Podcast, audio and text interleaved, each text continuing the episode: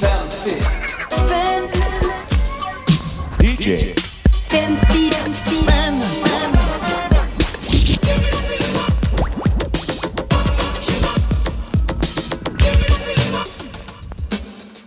Ja, då var det dags igen. Jag heter Tommy Jönsson och den här podcasten som är mitt stora magnum opus i livet, hur fjuttigt den låter, heter alltså DJ 50 spänn, om du missade det.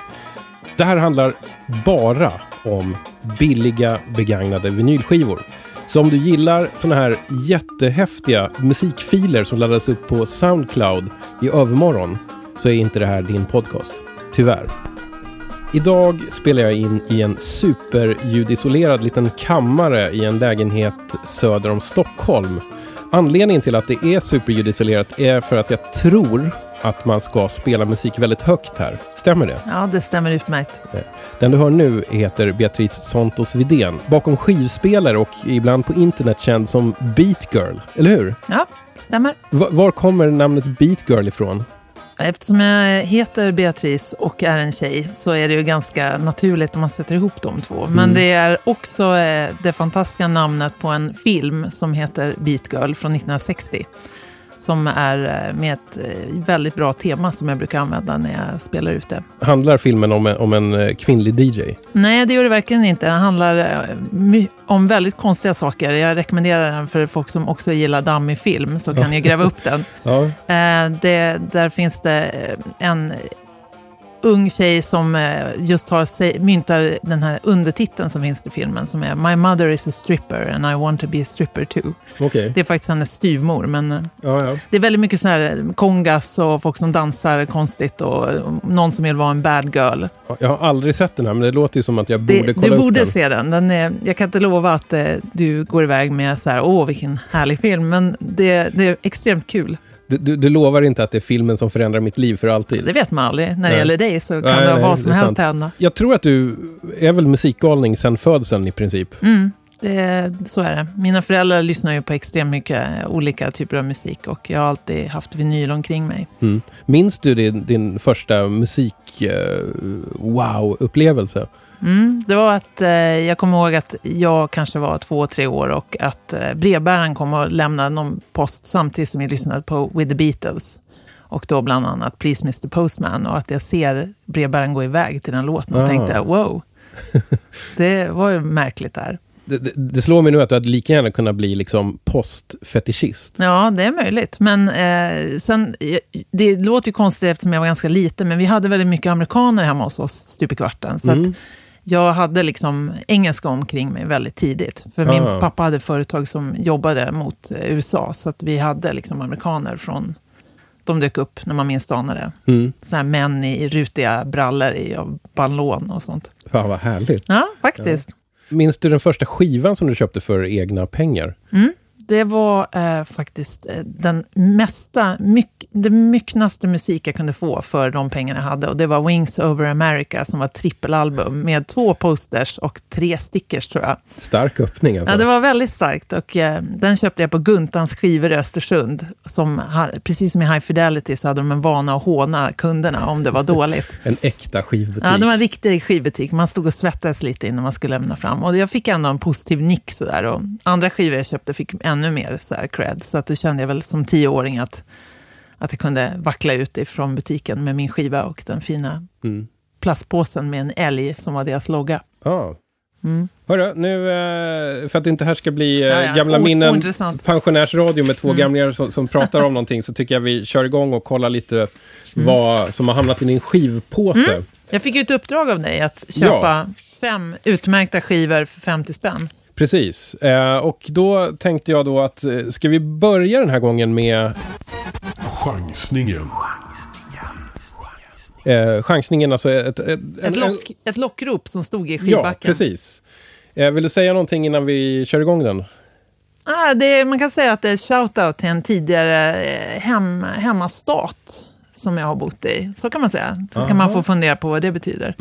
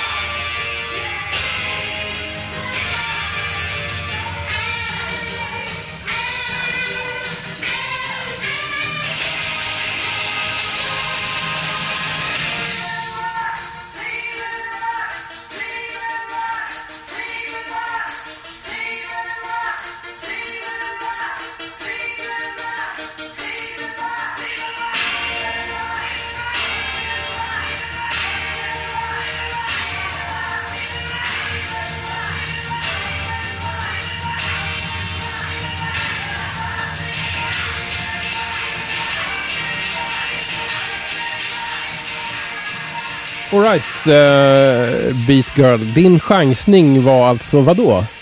Eh, you, you're never alone with the schizophrenic, Ian Hunter. Det är alltså albumet och den här låten handlar om The Mistake by the Lake, eh, Cleveland. Cleveland Rocks! Ja, Fantastiskt påad av Alan Friedman, Mr Rock'n'Roll himself. berätta lite om så här, vad, vad var det som fick dig att eh, känna att den här plockar jag med mig? Ja, dels är det så här att jag älskar ju Motte Hoople som Ian Hunter sjunger i, men jag har aldrig lyssnat på hans sologrejer. Och då var det en sån här sak som jag har tänkt så här att eh, jag måste ju kolla upp det där, för att han har ju skrivit en, den, en av de bästa rockböckerna av, om, eh, som, som handlar om att vara på turné. Den heter Diary of a Rock'n'Roll Star, som jag knappt kan säga nu. Men den är faktiskt fruktansvärt rolig. Det, och den är så här, det var innan The Dirt, så det, är inte, det behöver inte vara massa brudar och kokain och så, utan det är så här, han, han har försovit sig, hans manager ringer och säger du håller på att missa flighten. Och så, så, så börjar han skriva där och skriver ända fram tills han är tillbaka i sitt hus igen. Ja. Så det är hans diary. Och han är ju sån, han är ju som, jag tänkte på det faktiskt, att han är lite som 70-talets eh, eh, Damon Albarn. Att han, eh, han skriver liksom, eh, i, i Motte Hoople så skriver han ju definitivt små så här betraktelser, små stories, olika grejer. I det här fallet handlar det om, om rock'n'roll och, och att vara en skivfan och att lyssna på musik. Liksom. Att, att det är det han har alltid... Att jag ärvde gamla, gamla mossiga, dammiga skivor från min farfar och sen lyssnar jag på dem nu och Cleveland Rocks och hej och hå. Liksom. Så att jag, jag valde mellan den här låten och The Bastard som också är på den här skivan. Sen, Mm. re, resten av låtarna är lite mer sådär, de var, det var inte riktigt min grej. Men The Bastard var, den var också ganska cool, men jag kände att jag faller ändå för det här att eh, få ge en liten en vinkning till Ohio, där jag faktiskt bodde eh, 2003 till 2006. Ja, men, men bo, bodde du Nej, i Cleveland? 2004. Nej. Nej, jag bodde i eh, eh, Athens, Ohio, som ligger väldigt nära West Virginia. Det är bara 45 minuter från West Okej. Virginia. Mm. Wild and wonderful West Virginia. V- vad gjorde du i, i Ohio? Eh, ja, min, min exman, Dan, hej hej, han lyssnar säkert på det här programmet. Han eh, hade en tjänst där som teoretisk fysiker. Och eh, då, eh, jag var kvar i Malmö som jag bodde i då ett tag och hade min egen firma. Och sen flyttade jag dit, för det blev lite konstigt att vara gift på olika eh, liksom, världsdelar. Så att eh, där är fantastisk musik, fantastiska människor. Inga band slår igenom, ingen bryr sig om Athens, Ohio. Till skillnad från Athens, Georgia, som folk alltid blandar ihop Ja, det för med. det är coolt. Ja, det är coolt. I Athens, Ohio så finns det jättemycket begåvade människor och coola rockklubbar och jätteroliga grejer. Men eh, det är ingen som bryr sig. Mm. Men alltså, om man ska jämföra eh, här, vilken svensk stad motsvarar då Athens, Hmm. Ohio? Intressant jämförelse. Ja, vad sjutton skulle det bli för någonting? Kanske blir det där jag växte upp, Östersund då kanske. Eller Gävle. Gävle är en bra jämförelse. Där har jag också Okej. bott. Ska vi köra på här och eh, gå in på nästa kategori? Mm. Skivbörsklassikern. Ja, vi behöver nästan inte introducera det här. Det är de här skivorna som alltid står och tynar bort långsamt i den billiga lådan där. Just och man bläddrar förbi dem och tänker, wow, är den här nu igen? Och det finns tre i den här lådan av den här. Hur många fanns det på det stället du var? Där fanns det väldigt många, för det, är en ganska, eh, det, det, finns ganska mycket sån här billig skruttvinyl där. Men eh, den fanns nog, eh, det fanns ett gäng av den här i alla fall.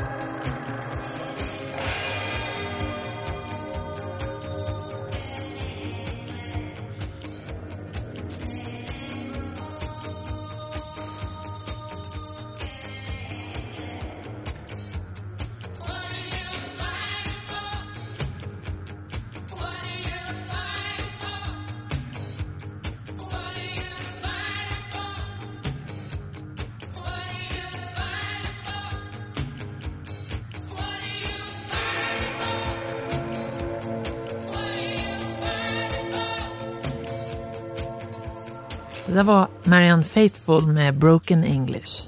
Ti- titelspåret från, Mm. från albumet. Men det klassiskt snygga blåa omslaget med den rosa glödande ja, cigaretten. Ja, precis. Jag- Jag vet inte om det är världens bästa, men det är, det är ett av de liksom viktiga skivomslagen Mm, verkligen ikoniskt. Och, och ändå ser man den så står den där och ser ledsen ut i skivbacken. Ja.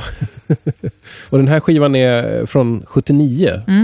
Precis som förra skivan. Ja, Eh, det var något jag upptäckte när jag kom hem, Ja. när jag hade handlat till det här. Men, Men det, det är ju fantastiskt med Marianne Faithfull att hon gick ju verkligen från att ha en underbart vacker röst och se ut som en ängel till att liksom hon bestäms verkligen, jag ska ner eh, jag ska gå igenom helvetet och komma ut igen. med en ny känns- röst också. Ja, en helt ny annan person liksom som kommer ut på andra sidan. Ja, och att hon lever och har hälsan och är liksom och uppträder än idag och ser glad ut, så vitt jag kan bedöma. Har du något förhållande till den här skivan sedan tidigare? Jag upptäckte nog, jag tror att jag upptäckte den här genom Eldorado, den här Ja. låten. Det gamla Med- radioprogrammet med Det Kjell gamla, Arlinge. gamla härliga Eldorado. ehm, med Kjell Arlinge, som var min stora idol när jag var... eh, Ja, jag började lyssna på det 82 och spelade in alla, alla program fram tills de la ner första gången 87. Ja. Så jag har fortfarande en stor kartong med bara Eldorado i. Liksom. Jag har aldrig gjort mig av med de där banden. Och all musik som jag upptäckte då, det, var ju, det fanns inget Google, det fanns inget internet. Nej, nej. Jag letade artiklar på mikrofiche på biblioteket och jag satt i Östersund och upptäckte bara ny musik genom att eh, höra på radion. Mm. Och bland annat då Eldorado. Lilla Bommen och sådana där lite senare. Men Varför valde du den här låten? Därför att den är... Dels så måste jag ju erkänna att det, det mesta på den här skivan var inte riktigt för mig. Men den här är så klassisk, jag bara fått rysningar av den fortfarande. Den, är ju, den har man ju verkligen hört. Men jag, jag tyckte den kändes helt fräsch faktiskt när jag lyssnar på den nu. Det är väl för att jag inte har spelat sönder den i alla fall. Nej, just det. Men jag undrar också, jag har funderat mycket på, om, och vi pratar lite om det nu när vi lyssnar på låten, att om det här är den första, pro, pro, första låten som har den här isiga produktionen som sen blev hela tidiga 80-talet. Mm. Ja, den är, den är verkligen... eh, Det är en isbit verkligen, Mm. så, så, som, som någon har liksom tryckt in i öronen. Lite mardröm på Ja, något sätt absolut. också. Kalla kriget Ja. liksom. Och just där. Och eh, det är något oförsonligt som finns i hela den här. Hur hon sjunger den, den är trasig, hon är trasig, hela världen är trasig. Man har trenchcoat och det är liksom ständigt mörkt, ryskt. Mm. Eller eh, Berlinmuren Ja, precis. Det hänger, blått ljus och dimma och Ja. betong här. verkligen. Neon eh, och lite regn så på det. Ja.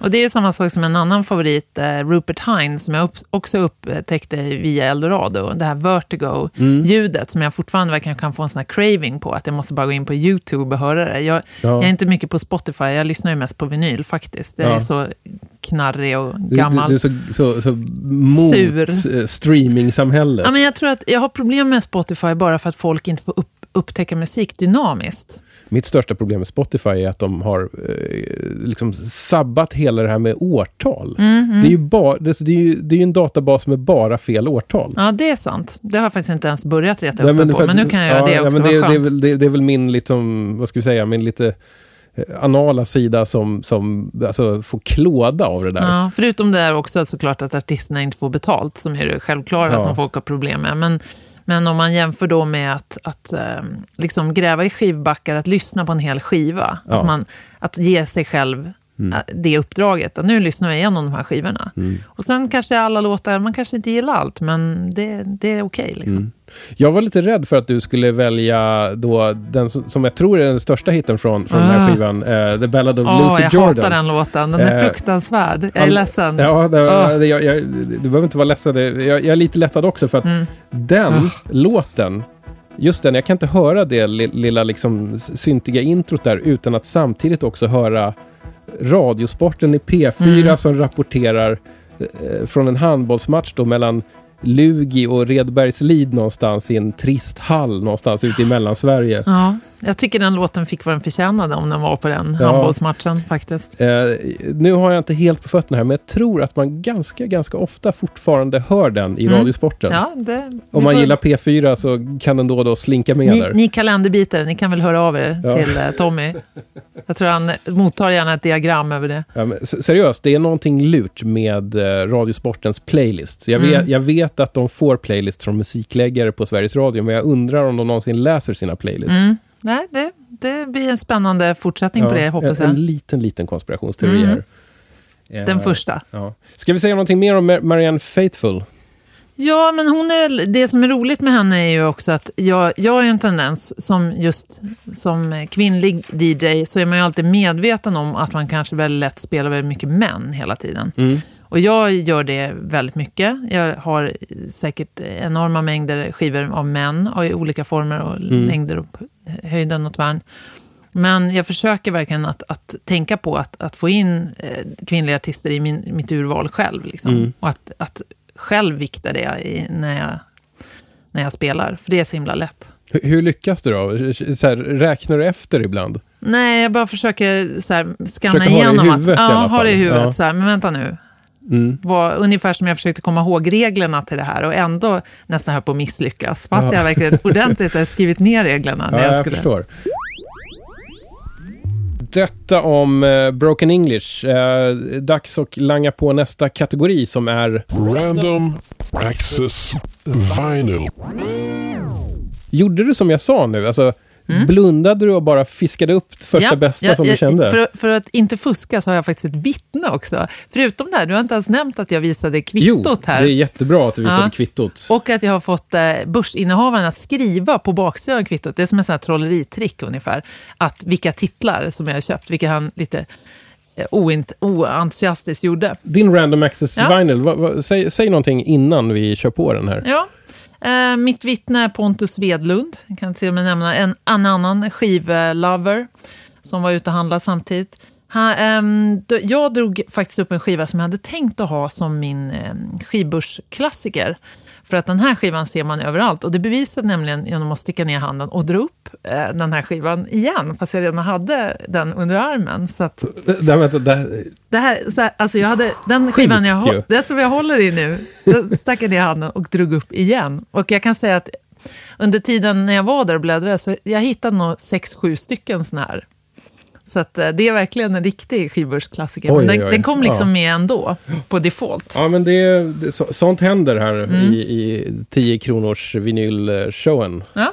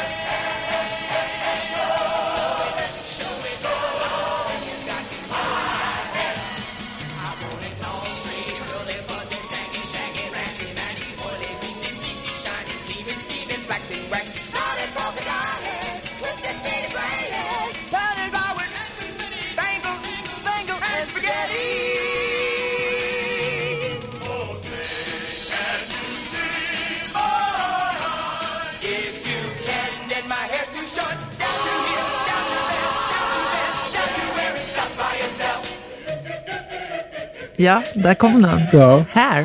ja, själva låten här. Here, there and everywhere kan man säga. Vad väljer man på den här? Det är alltså en dubbel LP och det fanns nästan inga låtar att välja, upptäckte jag när jag Nej. väl satt och lyssnade igenom det. Alltså soundtracket från filmen här är det. Mm. Från Alltså, också 1979, konstigt nog. ja, nu har vi alltså tre 1979 Ja, jag vet inte vad som i, hände. i rad här. Det är väldigt märkligt. Får se om det blir Det är en en- full svit här. Det det är en första gången. Ja, hur står den här låten sig i, i 1979-kontext då, om vi säger så? Ja, i, i, I min privata kontext så står det med att jag var 10 1979. Ja. Och eh, jag gick och såg den på bio och tyckte ju, att den var helt fantastisk såklart Mm. då. Eh, men eh, jag har ju också en liten sån här udda grej som är att jag samlar ju på Hair soundtracks. Inte att jag köper den här varianten, den här Bob Fosse Nej, musikal. just Utan om det dyker upp såna här underliga som den japanska. Och, och här kommer ju också då en liten shoutout till herr Dryck. Just som det. just pratade i det här tidigare programmet om den här eh, skivan som jag letat efter så länge. Den hade jag köpt samma dag när jag gick och köpte mina skivor, som när jag lyssnade på programmet. Min, Det, det, det är jättekonstigt. Helt osannolikt. Jag bara, va? Alltså, det, det är ju som att planeterna står i linje, Ja, det som i låten. Aquarius Ja, det ungefär. var, det var exakt så. Eh, All the planets lined up. Och jag köpte en hår som har en sandsilkflaska på baksidan. Just det, Och alltså- du har ju alltså- sett den nu. Jag visade, det var det första jag visade. Hår, hår, alltså en sponsrad här på Från- svenska. Ja. Det alltså, kan, jag måste ta en bild av, har, har du omslaget här? Bara för att bevisa att det, att det inte... Och Otroligt. riktigt risigt bara är det också. Det är det roligaste. Men nu ska vi prata lite mer om eh, soundtracket till filmen här Ja, då, som var det. din random access Ja, det var ju det. För den här ser man ju överallt. Det är ju verkligen, och det var ju uppenbarligen så även när jag stack ner handen den här gången, att vad kommer upp om inte soundtracket är här? Ehm, ja, för min del så tror jag att det här handlar väldigt mycket om att jag, det låter som en konstig ingång, men jag tror att jag, hela det här psykedelia, liksom West Coast, slutet av 60-talet, mycket av det som jag samlar på idag, liksom det som kallas som garage, men egentligen är beat. Och eh, sånt som eh, liksom eh, allt möjligt psykokonstigt och eklektiskt. Flummigt, droger, ni vet free love och hela den där myten. Jag, jag upptäckte väl den, dels hade jag ju en del i mina föräldrars, men mina föräldrar var liksom inte riktigt, de var mer som sura beatniks skulle jag säga i jämförelse. De lyssnade ju mer på jazz och eh, liksom, ni vet, eh, Beatles och sådana grejer. Eh, och inte liksom var inne, de var ju lite äldre, så att de är födda 41 och 31 och då var man inte riktigt med den där knarkvågen. Nej, kanske var lite för gammal för Ja, så att Ja. Det, det är liksom, eh, den delen fick jag ju upptäcka på det där fantasifyllda, roliga bokmärkesvägen via den här eh, filmen. Ja, just det. Du, du klagade en del på basisten Ja, som, som, som kör på det på här soundtracket. Ja. Vad, vad, vad, är ditt, vad är dina problem med basen Eh, egentligen? Den är helt eh, off the hook, fast på fel sätt. Den tar över helt. Och vissa låtar som är bättre än den här temat här, det, nu ville jag ha gärna någonting som Don Dackes som sjöng i Chicago just, eh, som han sjöng på, för jag tycker om hans röst. Och han fick ju sen sparken glatt efter bara, tror jag, två skivor med Chicago, kan det stämma? Det kan nog stämma. Eh, och sen försvann han. Det finns några där artiklar på nätet. Vad hände med Don Dackes? Ja. Ingen vet. Men eh, i alla fall så, den där basen är, jag vet inte vad han var på för någonting, men det fanns ju en del droger att välja på på 70-talet. Kan Kanske ju det, gissa något ja. hetsigt och glatt som han kanske använde. Men jag, jag tänker mest att de... de, alltså de mixar upp det så mycket. Det är Ja, väldigt men att, konstigt. att det är någon slags discopåverkan då, om det är 1979. Ja, så... men det är ingen discobas. Han spelar någon slags fusion. Jo, eh, men precis. ja, men det var ju ofta... Det fanns ju en del varianter som var lite mer åt det funkiga, fusionaktiga hållet. Ja, Och- vem det nu än var som mixar så gillar han bas väldigt mycket. Ja. Det, det, var, det här var alltså eh, slumpvalet. Alltså en, en märklig dubbelslump Mm. Ja, det var en dubbel, dubbel eh, whammy. Jag, jag undrar om det, inte det här är ett tecken på att du har liksom det Ja. i, i, i, i skivbörssammanhang. Jag menar, det, ja, det är ju minst, varje helg är det ju minst. Sen Mm. blir det ju liksom gärna i veckorna också. Och, och när jag och min sambo åker på semester, då, eh, han är ju också en fruktansvärt intensiv skivsamlare. Då Mhm. blir, vi åker ju medvetet för att kunna titta i skivbörsar. Det är så vi väljer vart vi åker. Ja, Och kollar alltid så upp. att stränder är inte så viktigt, utan det är liksom... Ja, där, där, vi har hört att det finns en fantastisk second hand-marknad för skivor i den Ja, stan. det är väldigt mycket så. Ja. Och Försöker få in att kanske någon lite vila någonstans också. Men Ja. Jag är inte så bra på det där. Han, han, han är mest att han vill få vila. Men, Mhm. men eh, Vinyl District, bra app bitvis för er, er som har iPhone. Den har jag aldrig kollat in. Nej, det, där kan du se skivaffärer i olika städer. Jag förstår. Vilken är din favorit eh, semesterlocation för just skivshoppande då? Ehm, jag skulle gärna åka tillbaka till Edinburgh, för att där hade de fruktansvärt mycket skivbörsar. Bland annat ett, ett, ett av de här riktigt bra, eh, han, jag frågade så här, ja, är det mycket av en local som går hit? Han bara, nej, det är bara sådana som du. Det var typ tre personer i Edinburgh som handlade. Alla andra kom ut utom Socknes. Mhm. Och dränerade Edinburgh på, på bra second Ja, hand-vinyl. Berlin såklart. Ja, London är sämre nu för tiden. Det är inte alls lika bra. Um, eh. Barcelona finns det en fruktansvärt bra skiva färg i, så jag fick, jag fick sån hjärnblödning och bara tog en skiva som jag inte ens tänkte köpa och bara gick ut. För de har allt inom sån här med, med psycho och gamla soundtrack och lounge och exotika och det fanns liksom allting som jag samlar på. Ja. liksom. Men det är ju läskigt när man Det är väldigt det. obehagligt. Det var alldeles för mycket. Det, det blev för mycket. Ja. Nostalgiköpet. Vi har kommit fram till näst sista kategori nu. Mm. En skiva som du alltså har haft någon gång tidigare i livet som du får eh, återköpa i eh, begagnat skick här. Ja, Eh, det är en väldigt stor mun på omslaget.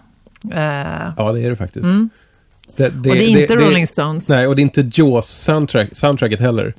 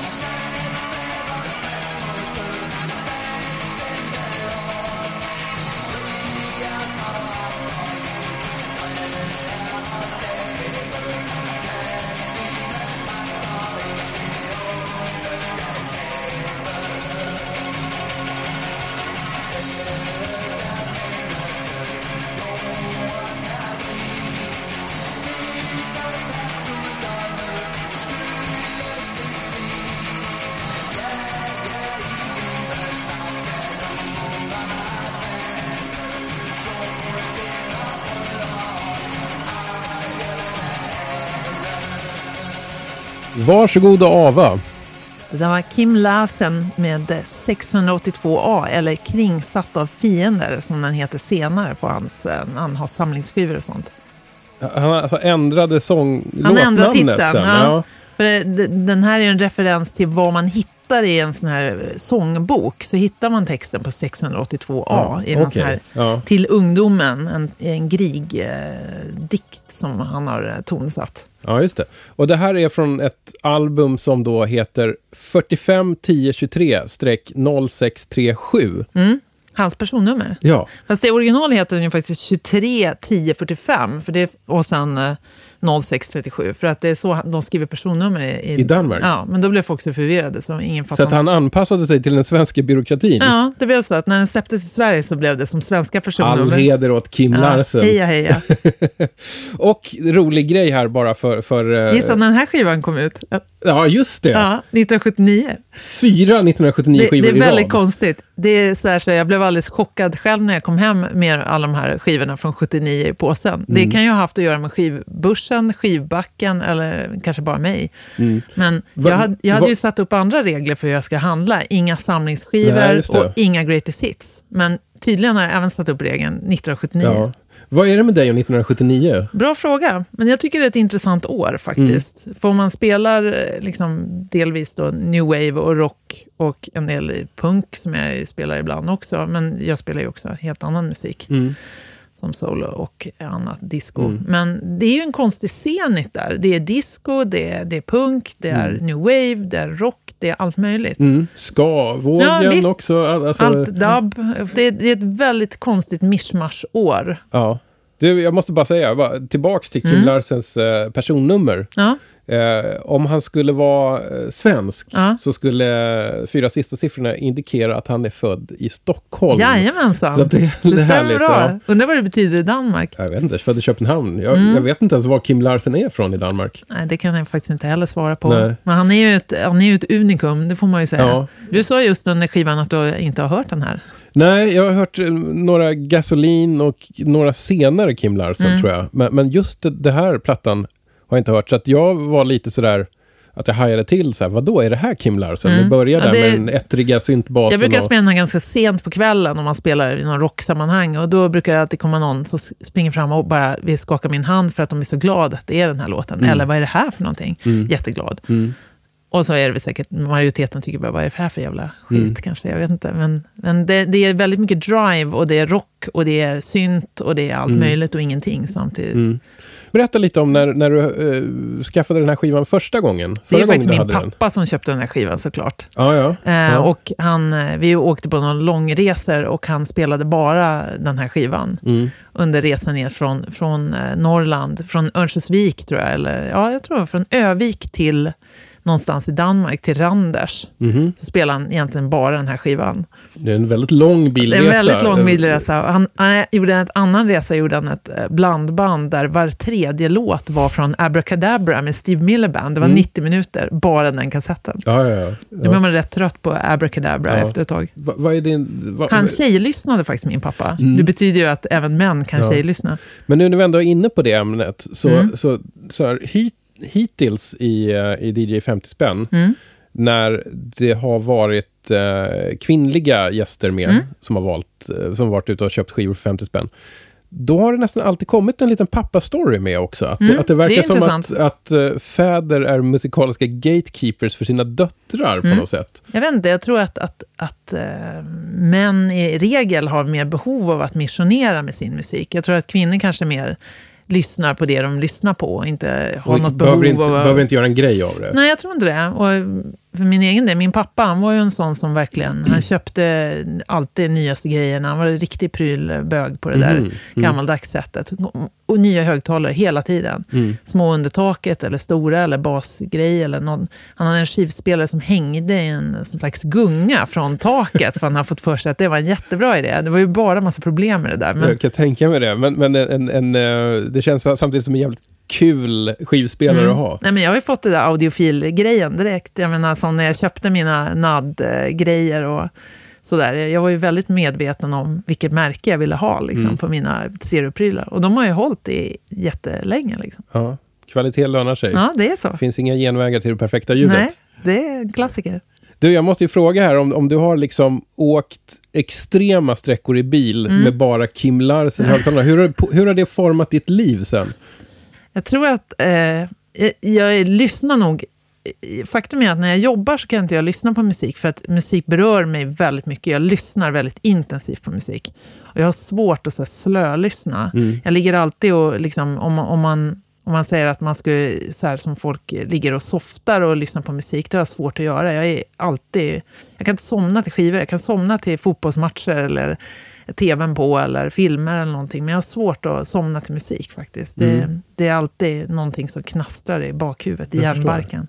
Men jag skulle ju hävda att det finns perfekta insomningsskivor. Mm. KLFs Chill Out Ja, den är- är fin att somna den till med lite bräkande får och Elvis i någon slags jätteeko. Mm. Det är bra att vakna till också på Ja, det är söndagar. fint. Ja, Mm. exakt. Uh, de heter Spiritualized är nog min vanligaste insomningsskiva. Alltså. Första Spiritualized-skivan. Även om den här, ökar intensitet någonstans i mitten så har man ändå somnat när man kommer fram till det. Jag är ju så, här, jag har mycket lättare att somna till pratpodcast. Är det sant? Ja, det är så. Och det är så när jag jobbar också.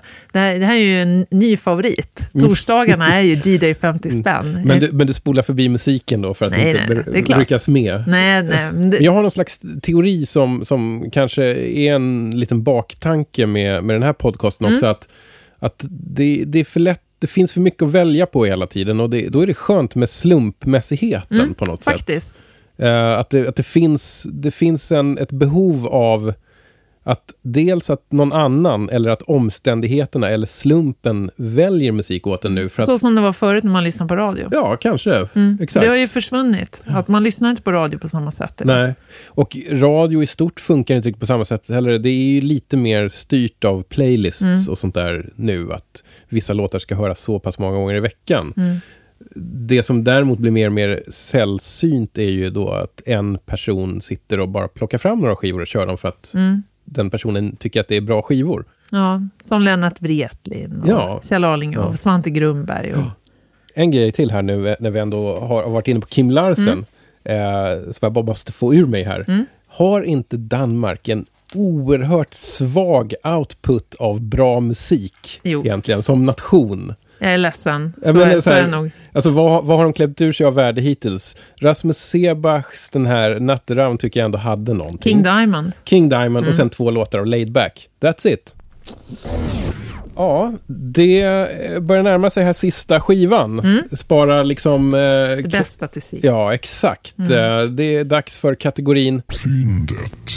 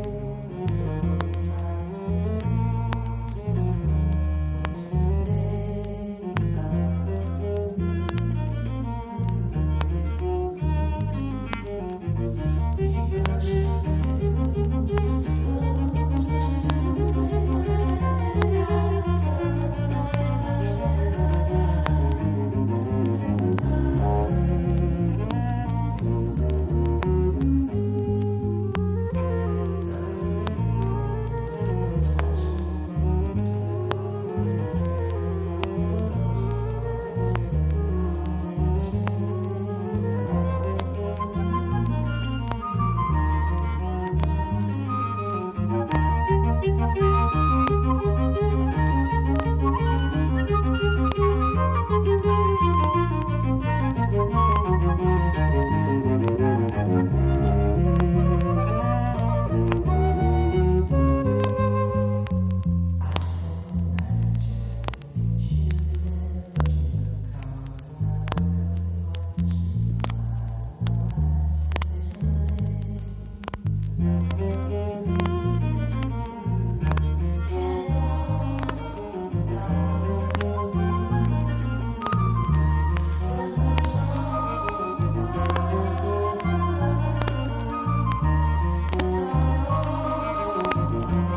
Okej Beat Girl, Mm. nu spräcker vi sviten va? Gör vi inte Ja, det? äntligen. Sista skivan är alltså inte från 1979. Nej, jag kom in i härligt dammigt 1966. Nästan lite synd tycker jag. Det tycker jag. Ja, hade du det inte kunnat plocka upp en Gary Newman från 79 eller vad som helst? Ja, det hade fan passat, men det fanns inte just i min Nej, jag förstår. skivbörs. Nej, det, är skiv, det är skivbörsutbudet som, som eh, styr såklart. Mm. Va, vad var det här nu då? Det här var eh, Nilsson, eller Harry Nilsson, Såklart. med eh, Without Her. Från eh, albumet, jag kan knappt uttala Ja. det, du som har bra engelska. The Pandemonium Shadow Ballet. Nej, vänta, nu säger jag fel, för att det finns en annan som är en blandning av två skivor. Det, han är väldigt förvirrande, Harry Nilsson. Ja. Pandemonium Shadow Show, som originalet heter. Han har nämligen gjort en remix själv. Han var ju väldigt pigg på sånt. Han gjorde en, en blandning av Ariel Ballet och den här, som han satt ihop till... Just det. Att, ja, det är väldigt märkligt. Eh. Gjorde den 1971. Ja, han, är- han är lite grann av ett frågetecken för mig. Alltså, Nilsson. jag älskar Nilsson. Jag har lite, alltså det, han är en svårplacerad på alla sätt. Mm. En, en del grejer Han är är, en ju så här... Som, Musikalisk vilde. ja, en del grejer är örhängen, trevliga. Och en Ja. del är, som vi hörde nu, som låter som någon, någonting och sen så är det bara... Barock pop. Ja, precis, Mm. exakt. Som är också en favoritgenre Ja. faktiskt. Varför är det här eh, ditt fynd? Dels för att eh, jag just hade köpt den här skivan eh, för 45 pund på Discogs Oj. och sen hittade den på 10 kronor Ja. i skivbörsen. Då är det ju ett fynd som man Ja, bara, det det. what? Mm. Även om det är en repad tvärs över. Ja, precis. Som man kanske hörde lite Mm. här. Ehm, men det, det kan det väl vara värt. Det, kan, det, ingår ju lite i 10 kronors grejen att, att alla skivor är inte perfekt skick. Nej, man får ju det härliga vinylljudet. Kan inte du förklara liksom lite Har- Harry Nilssons storhet för mig som, är, eh, som har en liten, liten lucka när det gäller Nilsson? Nilsson är ju, han, han skrev ju, han är ju extremt bra eh, låtskrivare, fantastisk sångare. Han vann ju en, en Oscar för när han sjöng det här temat till eh, Midnight Cowboy.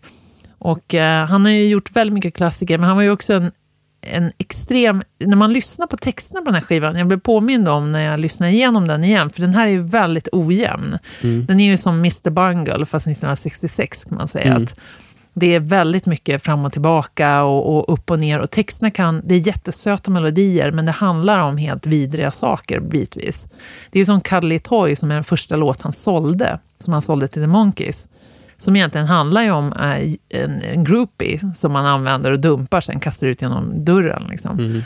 Och eh, det är väldigt mycket såna här undertoner i texterna hela tiden, som är ganska svarta och ångestfyllda. Och, och jag gillar den där kontrasten. Och han som person, bara det att han skrek sönder rösten på, på, på Pin Kiv, ihop med på en fylletripp med, med, och aldrig kunde få tillbaka den. Nej. Han, Ja, det- den är ju- prisbelönta, vackra rösten skrek han sönder i så primalterapi tills han spottade blod tillsammans med John Lennon mitt i natten. Så otroligt motsägelsefull människa. Mm, Och eh, Nilsson Schmilsson, om ni inte har hört någon Harry Nilsson så rekommenderar jag att börja där. Den har ju Mm. Som- som Jump är- in the Fire som är en av mina också såna här dansgolfsklassiker som jag brukar spela. ja. Och Som är också extremt ångestfull. Men Det kanske fin- den är. Jag har nog den aldrig den. riktigt Lyssna på lyssnat texten, på texten till den. Och han sjunger den också så. Och sen också en riktig, en bra funky bass liksom, Mm. som man kan verkligen gå vidare på om man ska göra en dansgolvsröj. Men han är också, det är liksom intressant musik. Det är, det är intressanta ackord. Det är liksom, Nu låter jag ju som en riktig gammal stöt här. Mm. Ja, men eh, det är väl bara bra. Ja, jo. Men eh, det, och han är ju väldigt ojämn också, men jag kan tycka att det är också en bra sak. Att, att det är liksom, han är inte lättälskad alla gånger. Nej.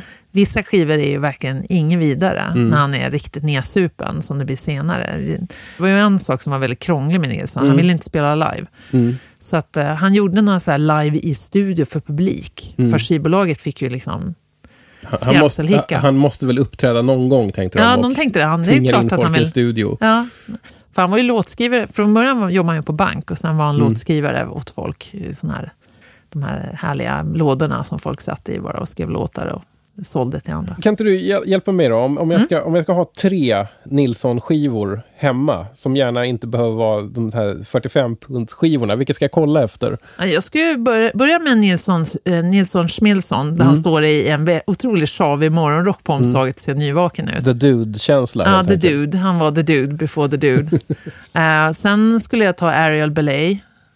Och ehm, ja, jag vet inte om jag skulle säga att man skulle börja med den här. Den är ju rätt... Hmm. Han har ju gjort så mycket märkliga skivor så att jag skulle nästan eh, ta, ta de där två första och börja där. Och sen så tror jag man vet vilken Nilsson man vill ha sen efter det.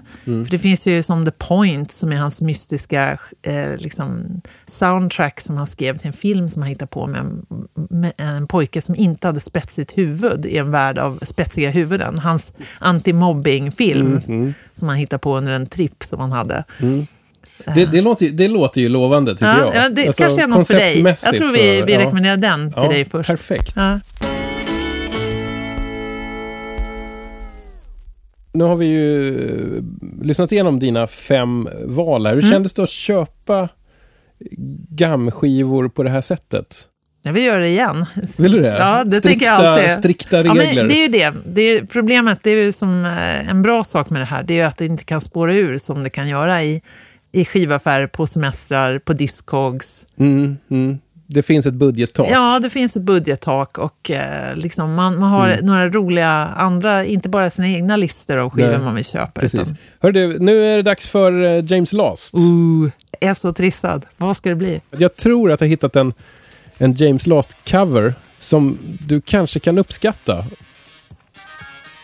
Ja, vi ska se om du Ja, kan identifiera den här låten. låter väldigt bra.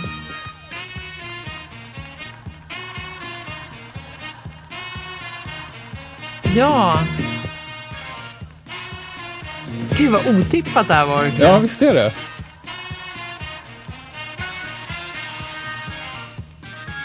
Men jag kan inte ens, jag blir så, det, nu är jag precis som alla andra i, Ja, ja. i Men den, DJ den här är 55. svår. Den här är lite svår. Ja.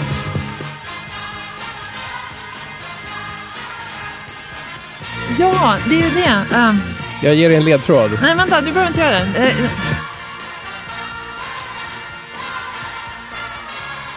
och jag är så nära. Jag, jag nästan kommer på. Nej, okej, ge mig ledtråden. You're twisting my melon man. Ja, det är den! Det var ju... Va? Det, du menar, alltså... Vi, vi får nästan köra ett Vadå, Happy eftersnack efter den här. Mondays? Vadå? Alltså, nej.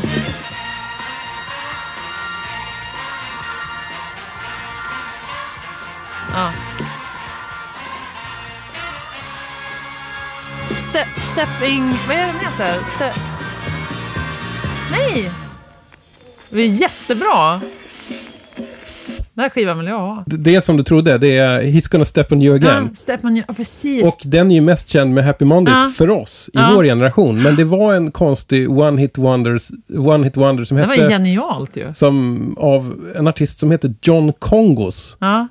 Jag uppskattar att du tog 70-tal. i ordentligt. Ja, det var men jag inget... tänkte att det var tvunget Nu att vara svårt här. Ja. Mm. Det var underbart att få komma hem till ditt ljudisolerade rum och spela in uh, DJ 50 spänn Det med var dig. fantastiskt trevligt att ha dig här, Tommy. Vi säger hej då. Hej då!